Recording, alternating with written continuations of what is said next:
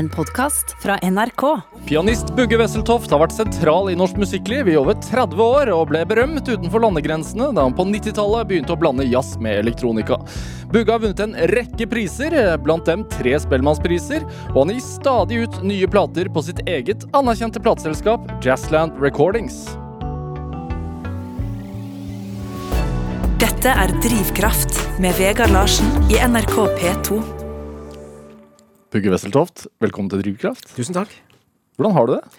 Jo, ok. Jeg kom akkurat hjem fra turné i går. Fra Sør-Italia, så det, det, er litt mye reising for tida, men det, det får gå. Var du der eh, med Rymden, eller hvem var du der med? Der var jeg med, Vi har kommet ut akkurat med en ny plate med en laptop-artist fra Berlin som heter Henrik Schwartz. Ja. Så vi har vært og spilt nå en ukes tid i Amsterdam og forskjellig.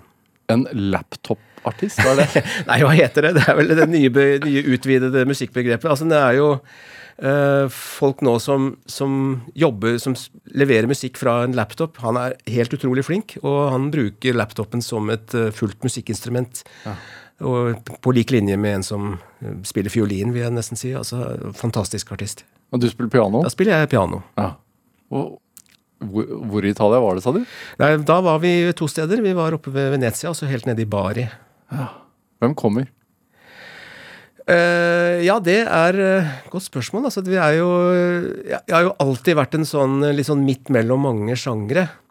Så uh, jeg håper jo at de kommer, de som er åpen for all type musikk. Men noen ganger så kommer det jo det var litt sånn interessant. Vi spilte på, i Amsterdam på torsdag. Det var noe som heter Amsterdam Dance Event. Det var et veldig sånn dance music klubb-orientert publikum som har en fantastisk energi, men er ganske, de er ikke vant til konserter, så de prater, bråker og prater helt utrolig men De skjønner ikke at det er noen som faktisk spiller. Men det gikk bra, og vi liksom fikk de med oss, og det var kjempegøy. Og så var neste i, utenfor Venezia, som var en veldig jazzorientert festival med litt eldre publikum. Da tror jeg det var en del som sleit litt, dessverre. Altså. Men, eh, men vi kan jo ikke gjøre noe annet enn å prøve å spille så godt vi kan. Ja, fordi noen av de som kom dit, eh, er kanskje glad i annen Bugge Wesseltoft, og så kommer de, så får de noe helt annet? Ja, det er vel litt vært kanskje litt sånn story of my life, egentlig. Sånn uh, at jeg har alltid ønsket å prøve å Jeg får så mye ut av å, å, å, spille sammen med folk som driver med andre ting enn meg selv. Jeg mhm. lærer så mye av det, og, forhåpentligvis så kan jeg liksom uh, bygge det sammen til liksom noe som er mitt eget uttrykk, da, forhåpentlig. Sånn, men jeg er nok litt sånn midt mellom uh, mange leire. Det er ikke så farlig med publikummet? Jo, jo, tvert imot. Jeg er jo utrolig glad for at folk liker musikken min. Men samtidig så må jeg jo Jeg kan ikke gjøre noe annet enn å prøve å lage det som jeg syns er interessant, og det jeg eh, finner inspirerende. Og så får jeg liksom bare håpe at noen liker det. Ja. Så, så spiller Altså når du reiser på turneer, så er det sjelden den samme konserten som går igjen? Altså samme settlisten, samme ja, det er riktig. Det synes jeg, det er jo noe av det som er så fantastisk med jazzmusikk. da, Som jeg veit mange folk kanskje syns er litt sånn komplisert å høre på. Men hvis man kan tenke det som en sånn slags øyeblikksmusikk altså jeg, jeg mener jo at jazz er en unik kunstform, for det er en av veldig veldig få kunstarter der det er den som opplever det, ser at kunsten blir lagd foran deg. Altså, hvis du ser en film så er den jo gjerne klippet liksom av eksperter for at den skal være ikke sant, En bok er redigert sånn at den skal gi maks liksom form og sånn. Og symfoni altså Det meste popmusikk er jo i dag liksom helt utrolig formatert. Mens akkurat det jazzen er jo en sånn ja, Der folk kan være med på hele reisen. da, Du ser fra start til mål om hvordan musikk blir lagd. Det, det syns jeg er en uh, veldig sånn um, uh, Kommer jeg ikke på challenging. Altså det er eh, Utfordrende? Ut, ja, unnskyld. Utfordrende. Du har vært på reise, vet du. Ja, nei, det var ikke det. det var bare uh, Men uh, ja, det er utfordrende for, for oss, da. Jeg, men jeg syns det er utrolig spennende å prøve å skape noe i øyeblikket. Hvordan tror du folk hadde reagert hvis de hadde gått på en Stones-konsert, f.eks., og de hadde begynt å holde på sånn? Ja, det kan du si, altså, men jeg tenker på Jeg leste boka til Keith Richard, en fantastisk bok. Anbefales til absolutt alle. Eh, et, han er en musikkelsker av rang. Og, og de starta ut som et etter hvert sånn ganske eksperimentelt bluesband med lange, lange ganske rar, rar type musikk. Og jeg vil, tror nok kanskje at hvis det ikke hadde vært for vokalisten, da, Mick Jagger, så, så, hadde jo ikke de vært de superstjernene de er. Det er et eller annet man selvfølgelig Med en gang man putter på en vokal, så, og en fyr som er sexy og danser, og, og, og i tillegg synger kjempebra, så, så, gir det en ekstra addition. Jeg driver jo med instrumental jazzmusikk, da, ikke, jeg er ikke så god til å danse heller, skjønner Jeg kommer ikke opp i den i Stones-leiren. Nei, Liker du i det hele tatt å stå fremst på en scene? Um, jeg er ikke noe, Det har jeg aldri vært noe opptatt av, egentlig. Altså. Eh, jeg, jeg liker innmari godt Jeg syns den um, Ja, altså Fra jeg har vært genuint interessert i musikk egentlig helt siden jeg var liten. og liksom, Det handlet om alt fra å prøve å forstå liksom, hva er det de spiller der, eh, og så det tekniske, og så lære seg masse stilarter og prøve å finne ut av det hele, til nå den, den faktiske situasjonen der man står foran et publikum og spiller. Altså Akkurat det øyeblikket er jo en utrolig ting, da. Hvordan merker du publikum? Jo, det, det er det som uh, Man må jo komme ut av sin egen boble, rett og slett. Uh, og prøve å kjenne på den energien som faktisk fins i rommet. Og det er jeg blitt mer og mer opptatt av de siste ti årene, egentlig. Den, den, akkurat den situasjonen. Prøve at du faktisk lager noe sammen med de som hører på. Og at og at formålet med at du står der, er å forsøke å skape gode øyeblikk. Da, for, både også for de som hører på, at man kan gi et glimt av uh, noe som er flott. Men hvordan gjør du det? Ta meg tilbake til, til Venezia nå, f.eks. Sånn, hvordan så det ut i konsertlokalet? Ja, det var vel en sånt lite kulturhus. Så ja, det er jo om å gjøre. og så, Sånn som jeg opplever det, så handler det uansett åssen musikk jeg spiller, å prøve å invitere de som lytter inn i inn i min verden. Ja. Uh, så jeg, jeg, jeg, forsøker, for eksempel så prøver jeg å nullstille meg alltid før konserten. At jeg har ingen store forhåpninger, eller jeg vet ikke hva som skal skje. Jeg går ikke ut på scenen med en sånn 'nå skal jeg spille det eller det'.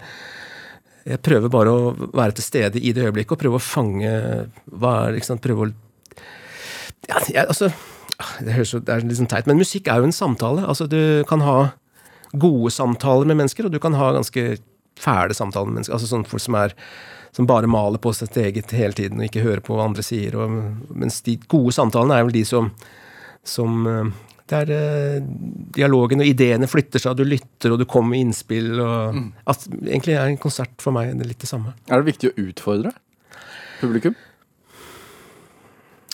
Ja, altså som sagt igjen så kan jeg ikke gjøre noe annet enn å spille den musikken som jeg, som jeg opplever som spennende. Men hvis det, er, hvis det, er, en dialog, tenker jeg på, så vil du jo antageligvis merke reaksjonen fra publikum. Ok, og de, Du merker at de setter pris på at det kanskje går sakte. Eller at du, du merker at de setter pris på at det blir mer up tempo. Ja, det er jo en energi, da, men det, man må jo det er nettopp det som er hemmeligheten. Hvor lenge skal man holde på med én ting før man introduserer en annen ting? Mm.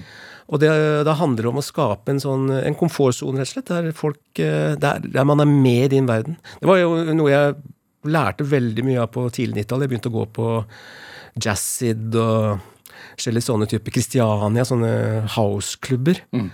Og, og, det var utrolig spennende for meg å se hvordan da var ikke DJ Superstar, de sto jo inne i, inne i skyggen, og ingen som så de engang.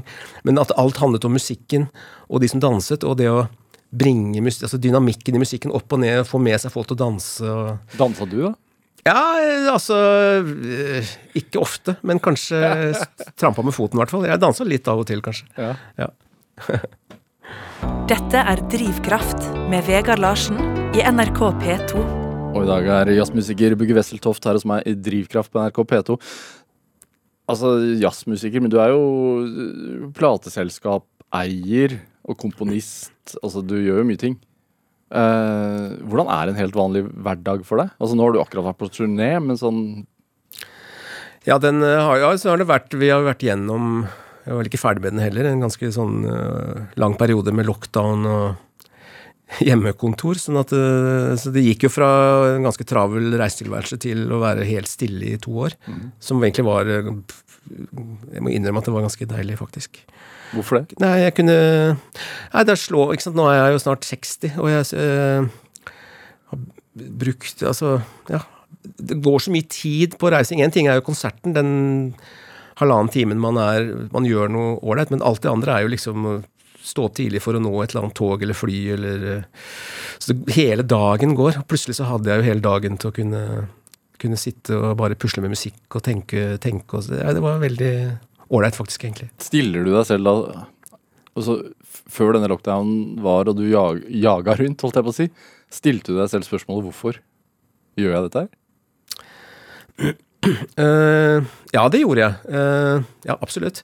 Sånn, det handlet jo om eh, flere ting. Og selvfølgelig å, å knekke nøkkelen til det å spille og bli bedre til å spille. For det, det, jeg mener at det jeg må Særlig for jazz, egentlig nesten for all musikk, så er det, den, den livesituasjonen man lærer av, man vokser med. Å forstå hvordan den musikken?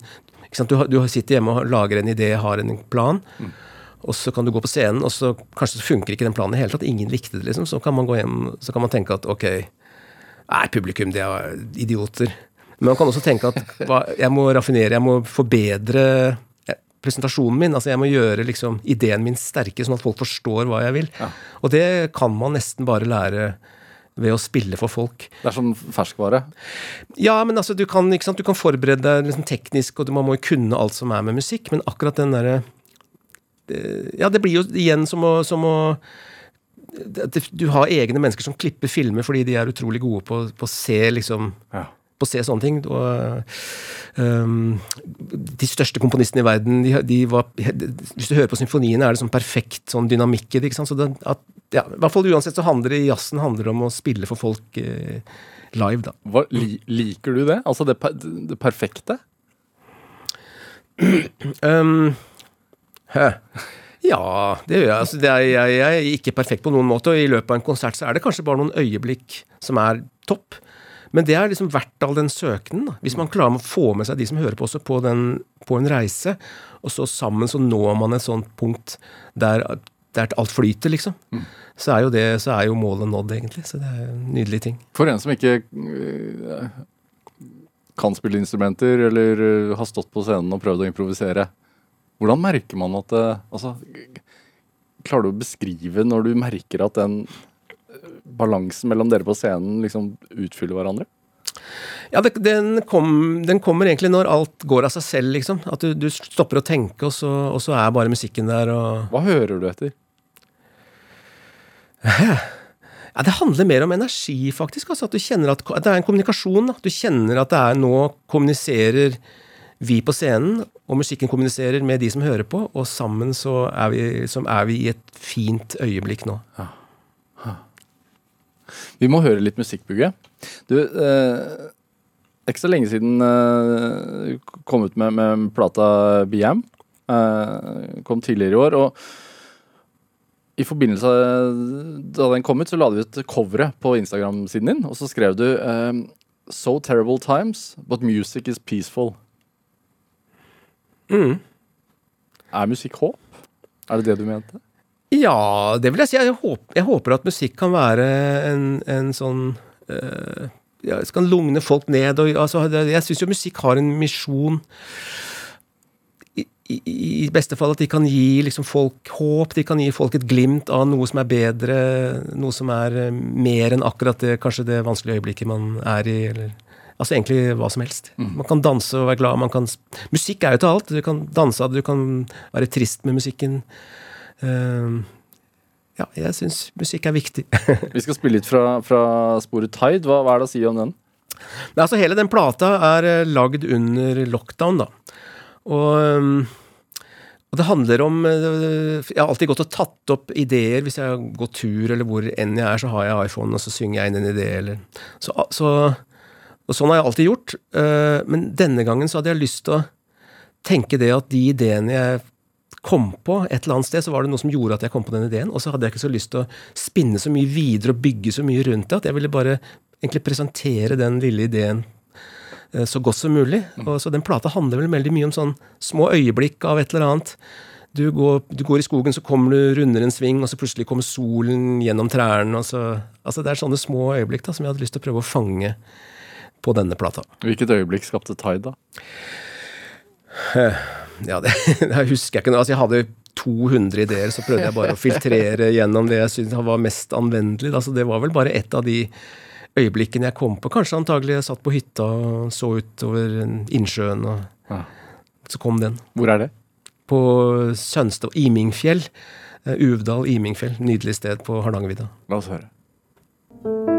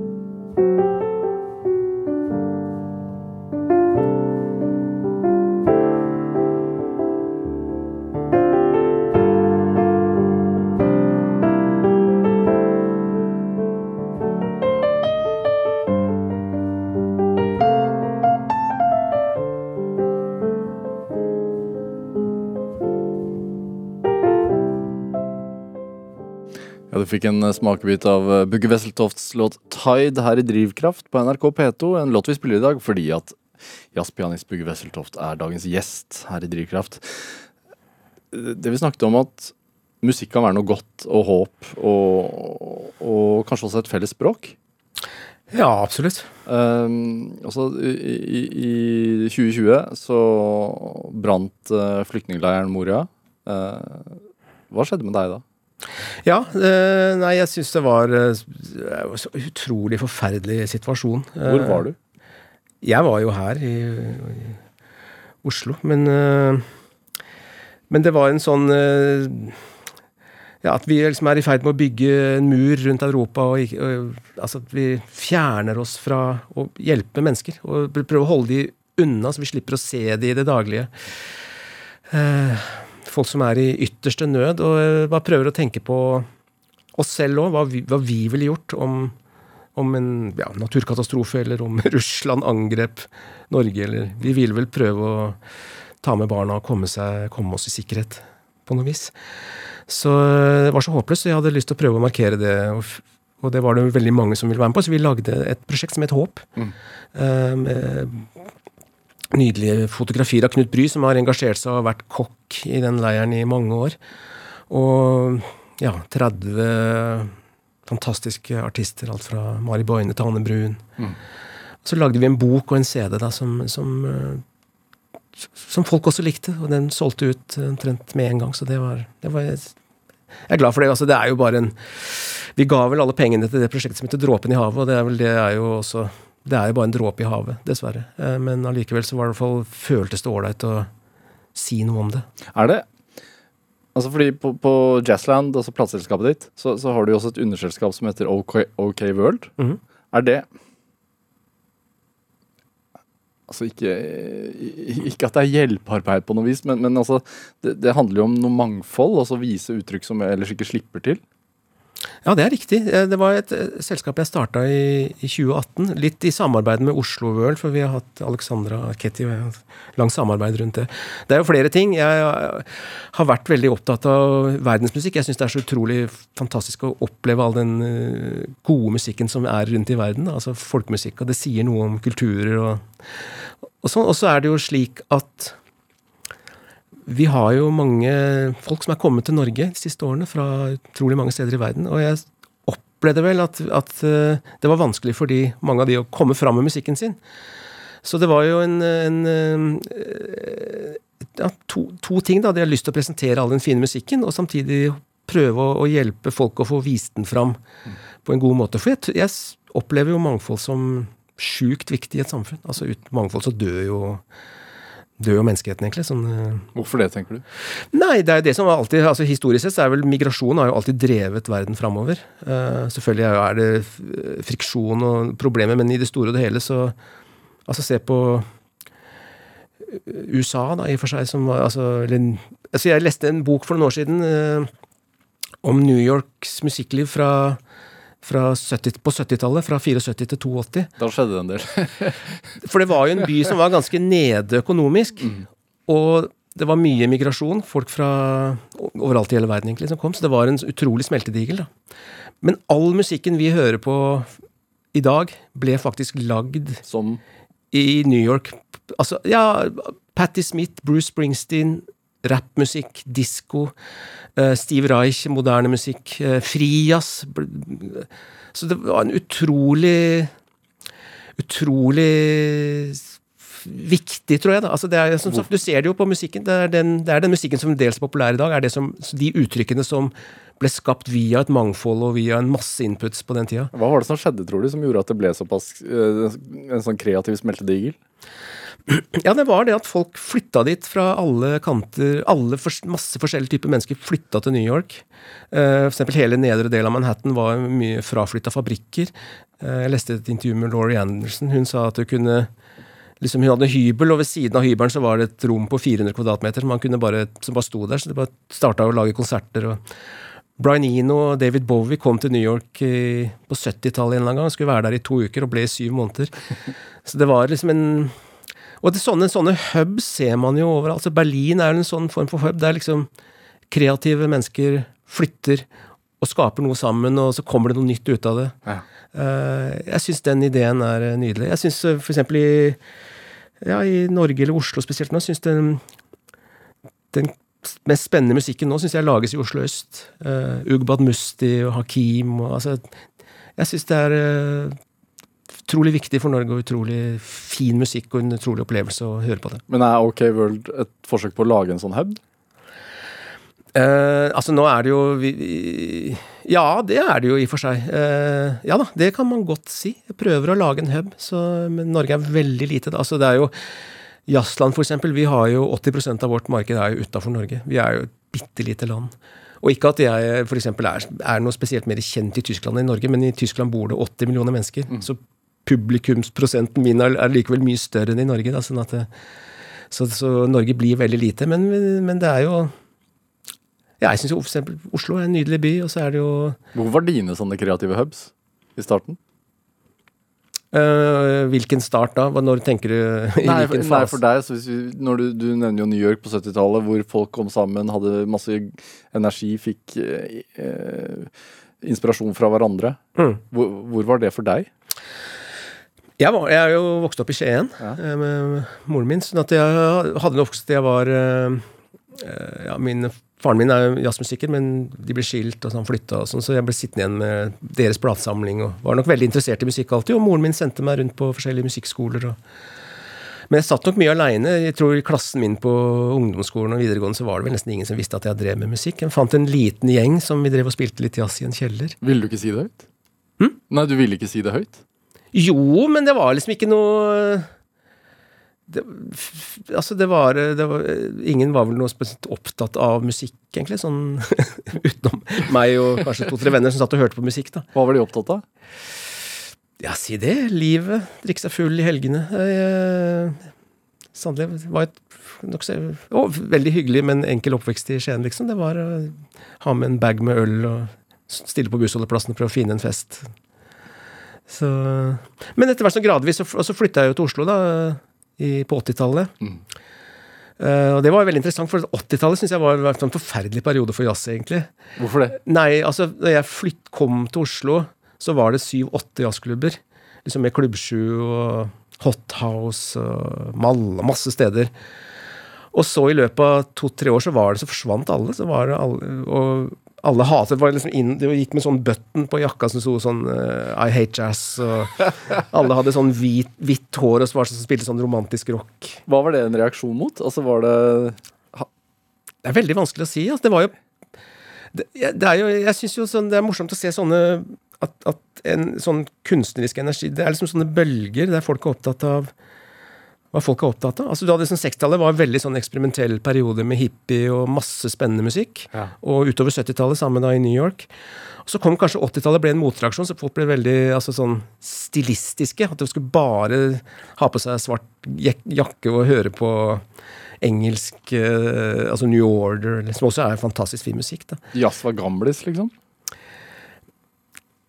Det er vanskelig å si. Jeg kan ikke mulig å si. Men så, så var poenget mitt at, at, at utover på 90-tallet eh, så, så dukka det jo opp liksom eh, elektronisk, altså dansemusikk, som begynte å ta ting fra jazzen. Og ha med seg noen bongotrommer og saksofon. Og så, så plutselig så ble det en sånn nytt for meg, sånn nytt lite 60-tall. Med masse eksperimentering og sånn sjangerblandinger, da. Så 80-tallet var kanskje ganske fritt for sjangerblandinger. Mens fra 90-tallet utover så var det masse sjangerblandinger. Ja. Uh, og det passer jo meg godt. Så det, Er det Altså, vi har, har jo låten 'Change'. ja. Er det, er det sjangerblanding der, vil du si? Um, ja, jeg tror den, den, den kom i 2001. Den første, jeg lagde jo et prosjekt som het New Conception of Jazz. Ja. Så jeg ga ut den første plata i 1996, og da starta jeg også Jazzland. da. Eh, og den, det er vel det mest sånn eh, For da, da var det sånn sjangerblanding for meg. Da var, jeg- prøvde jeg å, å blande rett og slett da elektronisk dansemusikk med livespilt jazz. Hvordan ble det tatt imot? Jo, jeg fikk, eh, fikk jo Spellemannspris for det, og det ble godt tatt imot, opplevde jeg. Og så var jeg så utrolig heldig at vi fikk litt gode reaksjoner utafor Norge. Da. Så jeg, vi fikk kommet oss ut og spilt. Og så, og så kom da um, plata 'Moving', som den låta 'Change' er fra, 2001. Og da hadde vi holdt på to-tre år med å spille masse live og, bygge, og lært av det å spille live og bygge opp den formen for musikk live. Og så gikk vi i studio og spilte inn tre dager. Og så ble det den plata. Den, øh, det er vel den jeg er mest kjent for, tror jeg, fremdeles uta, utafor Norge. Da. Tenk, Det var ikke så mange som hadde gjort det, blandet eh, elektronisk og jazz. Jo, det var jo, altså det var jo elektronikafolk som blanda inn jazzelementer. Men det var kanskje ikke så mange Jazzfolk. Men det var en, altså for det første var det jo ja, Nils Petter Molvær, Eivind Aarseth. Eh, og så, eh, når vi begynte å komme til utlandet, så møtte vi jo en gjeng som gjorde det samme der. Erik Truffas, fransk trompeter. Eh, og det var jo, I USA var det jo også en del liksom, blanding av sånn rap og jazz. Eh, J. Dilla og altså, forskjellige folk. Så det var jo et, et, et sånt et, et miljø som vi traff på, på en eller annen måte. Vi traff et øyeblikk i tiden som var ålreit. Ja, skal vi høre litt på Change? Den, den varer jo lenge, så eh, vi får høre, ha en smakebit. Ja, absolutt.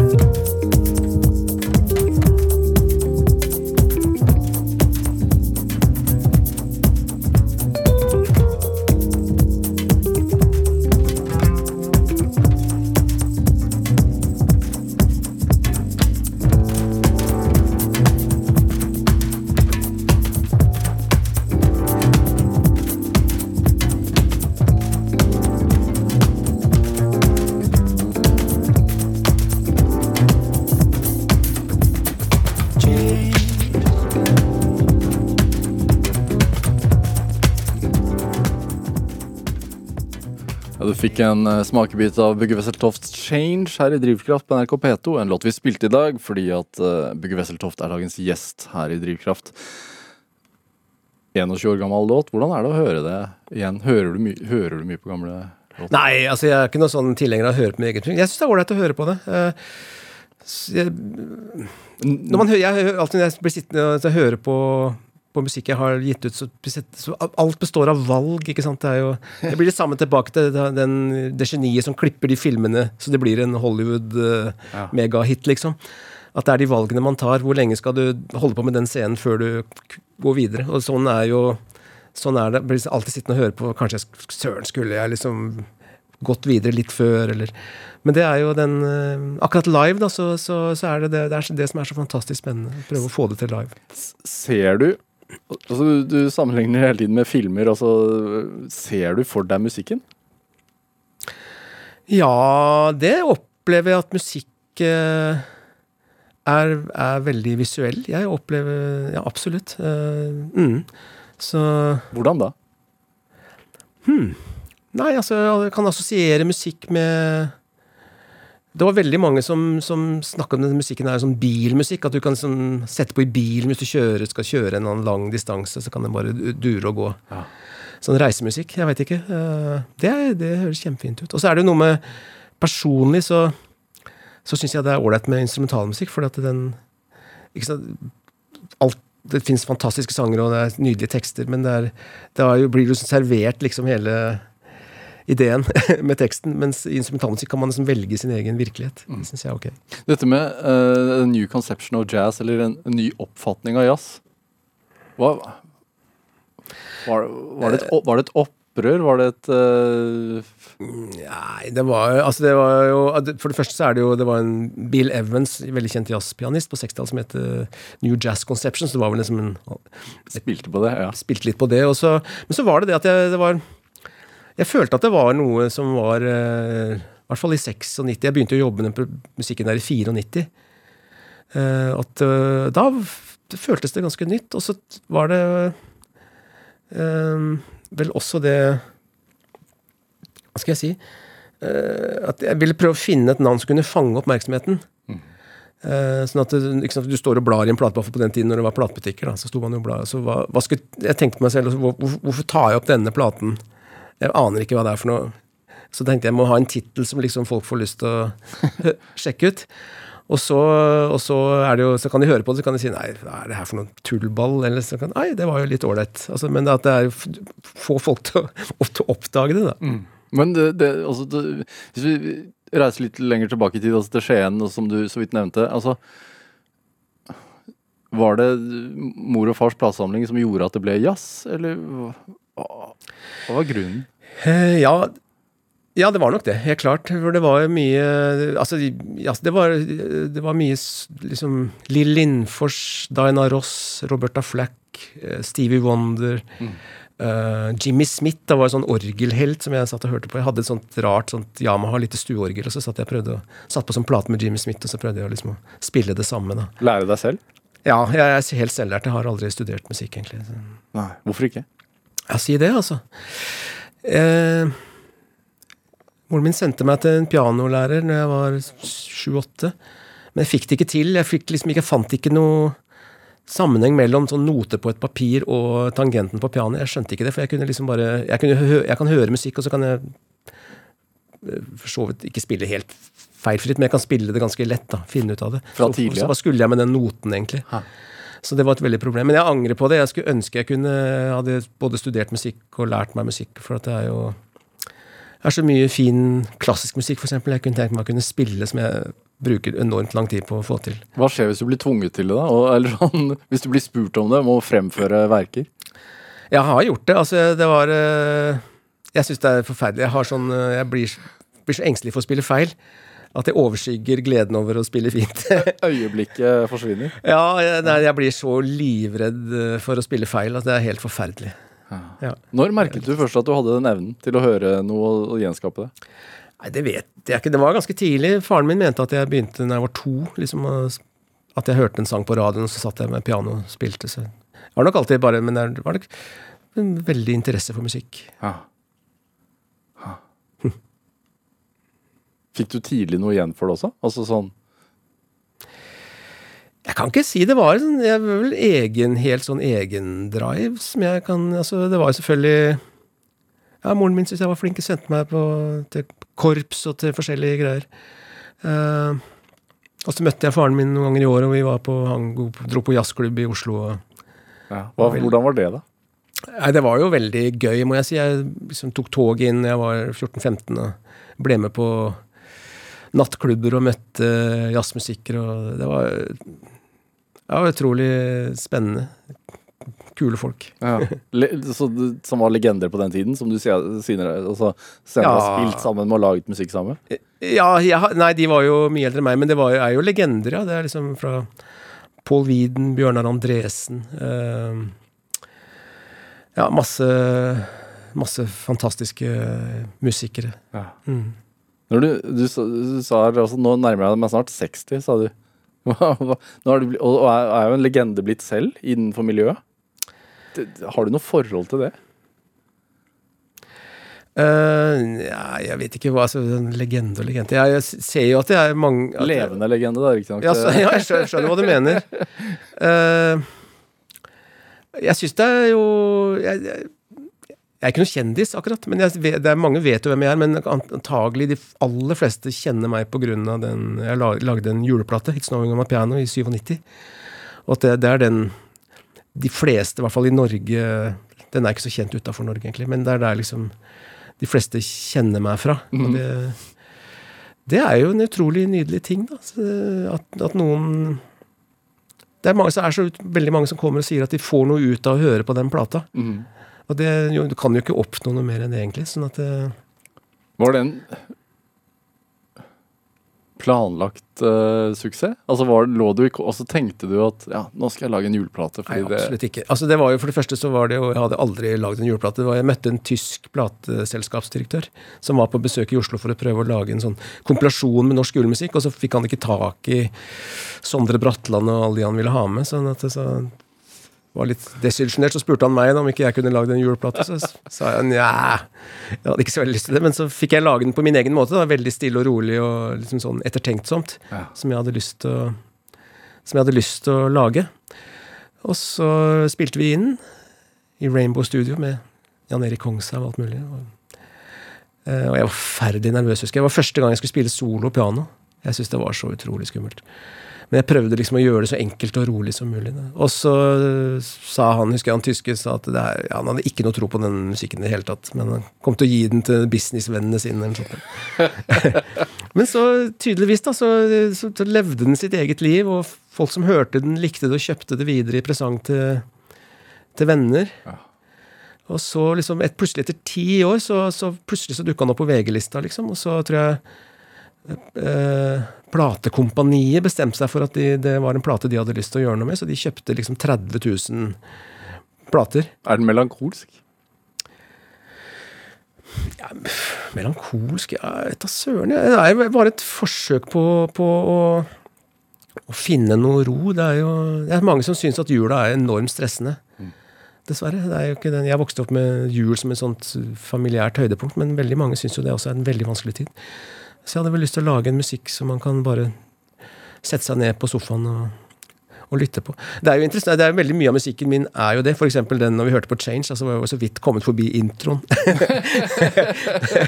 og det er jo ikke liksom forenlig med f.eks. Å få en hit på radioen som skal være i 2 minutter og 50 sekunder. og sånt, sånn. Men samtidig så opplever jeg at det er jo et enormt marked for sånn lyttemusikk. da. Altså Det er enormt mange som, som får noe ut av å høre på stille og rolig musikk. Så det, jo, det handler jo om å og nå, fram, nå vise de at musikken fins et eller annet sted. Skal vi bare spille litt av uh, din versjon av 'Mitt hjerte alltid vanker'? Kan vi gjøre. No, hva, hva, kan du si om det? Altså, Hva har du tenkt? Ja, det var jo Jeg satte opp eh, noen sanger jeg hadde lyst til å spille. Og så prøvde jeg å finne liksom min vri. Kanskje la ha noen akkorder som var litt annerledes enn en originalen. Og prøve å spille så rolig som mulig. Og så når vi kom i studio, så hadde han Siggy Loch, som han heter, hadde også noen låter han hadde lyst til å ha med, som jeg måtte ta litt sånn på direkten. Men eh, ja, så det handler om å finne Og det er jo ja, veldig mye av musikken, men handler om, jeg ønsker å finne min personlige vri på det å spille, sånn at, en, at folk kan kjenne igjen ah, det er Buge Wesseltoft. Det liksom, hvis de kan gjøre det, hvis de kan høre et stykke musikk og tenke at ah, det er Buge Wesseltoft, så da det er liksom det ultimate for meg. Det syns jeg er helt sjukt. Det er som Jan Garbarek. Liksom, du kan høre to sekunder, så skjønner du at det er Jan som spiller saksofon. Liksom. Ja. Hvis man kan komme dit, da er målet nådd. Hva er det med, Når er det man hører at det er eh, Bugge, da? Ja, det, det, vet jo ikke jeg, men jeg håper, jeg håper jo at man hører det. det er, folk sier jo at de kan kjenne igjen min måte å spille piano på. Eller, så det mm. Skal vi høre bitte litt? Ja visst.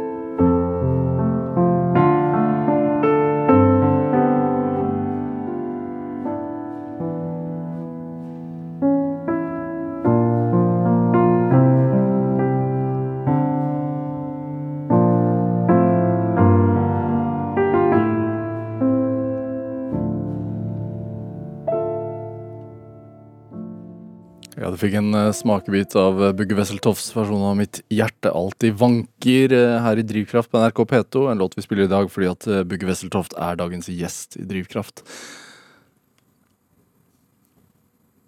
Det med å Når man hører musikk, og kan man høre at de som spiller f.eks. piano, føler når de spiller? Um, ja, det tror jeg, da. Altså, men det, det faktisk så, For meg så det, og for de fleste av oss som spiller, så handler det ikke om, om våre følelser.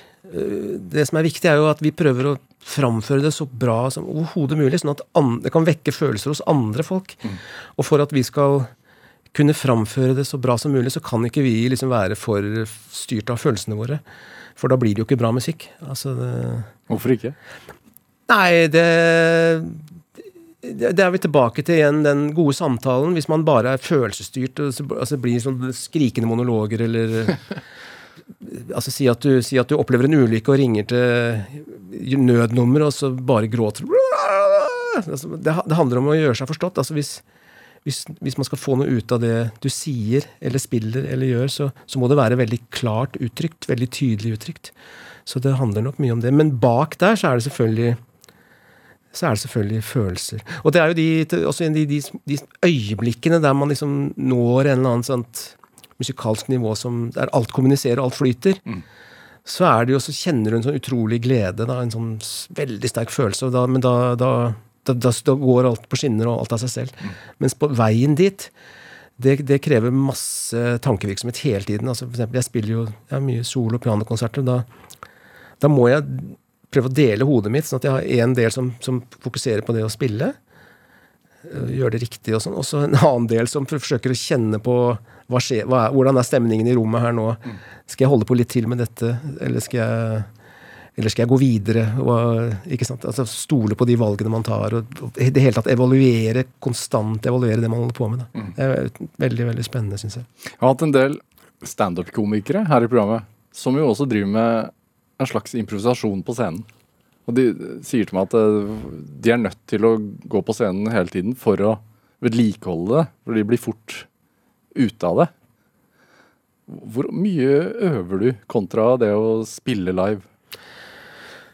Eh, jeg har nok øvd mye i mitt liv, og, og brukt utrolig mye tid på å høre på musikk. Det har jeg. Sånn at, men det, det handler nok veldig mye om å spille. Og det er jo eh, faktisk en veldig sånn eh, likhetstrekk mellom sånn standup Altså, det er fælt med dårlige standup-komikere. Det, det, er liksom, det er trist å se på. Man merker fort at de er ute av synk, eller sånn ikke treffer. Ja, ikke sant? Det er liksom så forferdelig pinlig. Eh,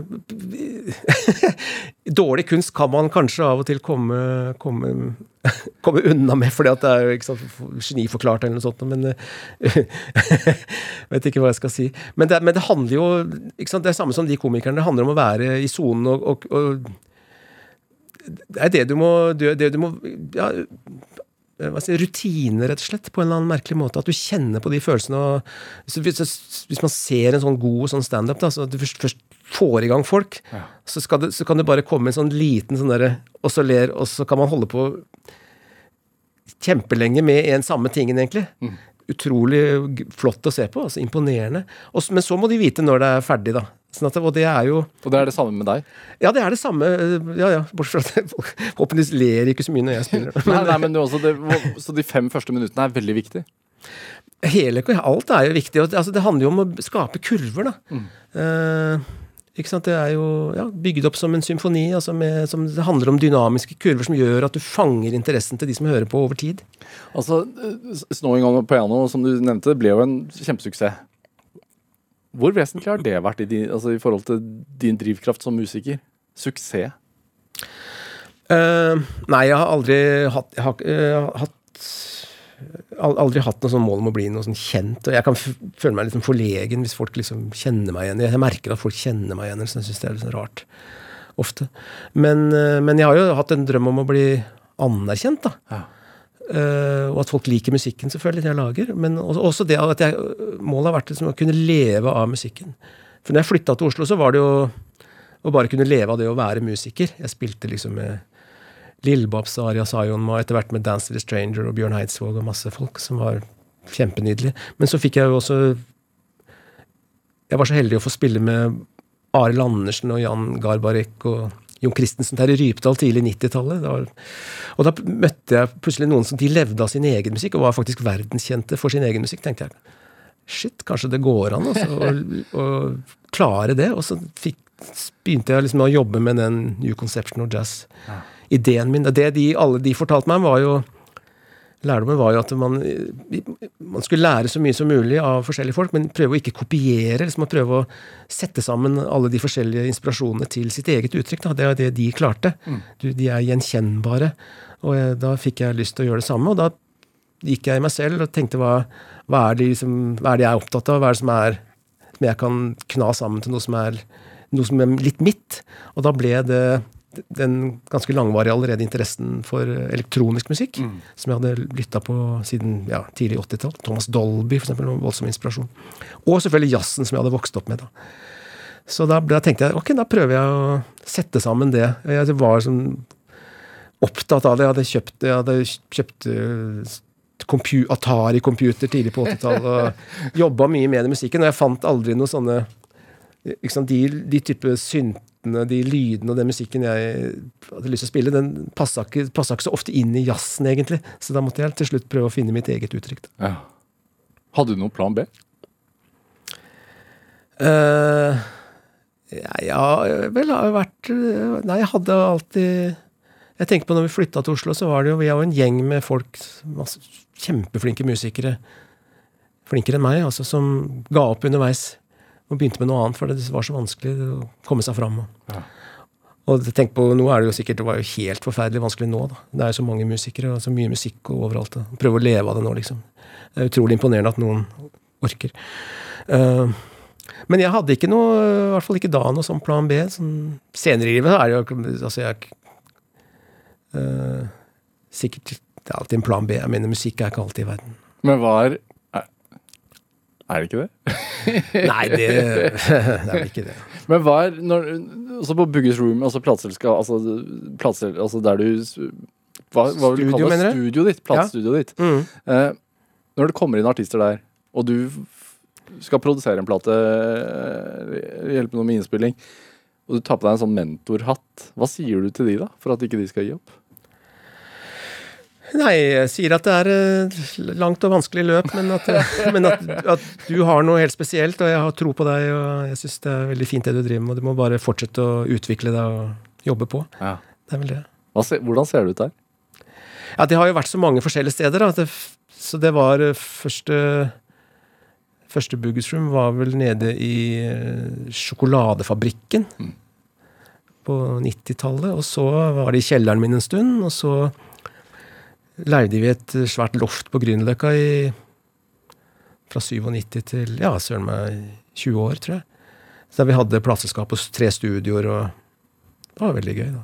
Men så ble det liksom for vanskelig å drive etter hvert, og ja, husleia gikk opp og alt mulig. Så nå er det i, i på Frysja kunstnersenter, et nydelig sted med masse kunstnere som Nils Petter Molvær, Naboen din? Sissel Endresen, og jeg har liksom tre sånne musikkrom. Da, så det, Ja.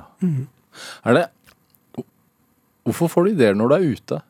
Du, jeg vet du går på ski og går turer og Nei, jeg får ideer hvor som helst, egentlig. Det er derfor jeg prøver å ha på den iPhonen. Da. Det kan komme når jeg kjører bil, eller egentlig hvor som helst.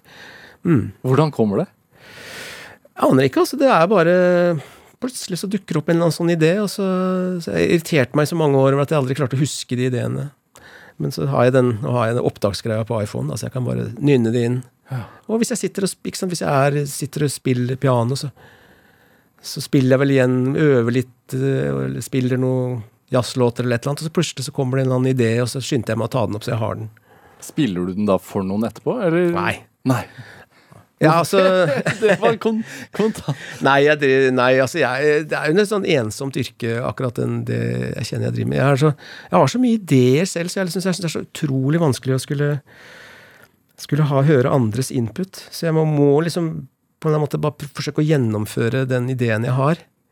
Jeg har ofte en sånn uh, lydmessig idé, da. Det er jo også et grunnlag. En ting er temaer og sånne melodier, men andre ting er en sånn idé om Ja, eksempel New Conceptual Jazz var jo ideen om å blande en sånn elektronisk lyd med akustisk spilt musikk og instrumenter. At det skulle være en spennende lydblanding. Og også det at, eh, at eh, elektronisk musikk er jo sånn kvantisert en trommemaskin. ikke sant? Det mot vi da som spiller live. At det også var en spennende sånn friksjon som skaper en annen dynamikk. Bugge Wesseltoft, en time går veldig fort. Eh, hva er drivkraften din? Ja, drivkraften er nok å, å lære Lære så mye som mulig av musikk, og for, prøve å forstå det, og prøve å klare å spille det. Og også det å klare å lage mitt eget uttrykk ut av alle inspirasjonene jeg får når jeg hører musikk. Blir aldri ferdig, da. Aldri ferdig. Bugge Wesseltoft, tusen takk for at du kom til Drivkraft. Tusen takk. Hør eh, flere samtaler i Drivkraft på nrk.no eller i appen NRK Radio. Eh, send oss gjerne ris eller ros og tips til mennesker som du mener har drivkraft. Send den e-posten til drivkraft.krøllalfa.nrk.no. Vi hører veldig gjerne fra deg. Researcher i dag var Camilla Bolling Muir. Dette var Drivkraft. Jeg heter Vegard Larsen. Vi høres. Du har hørt en podkast fra NRK.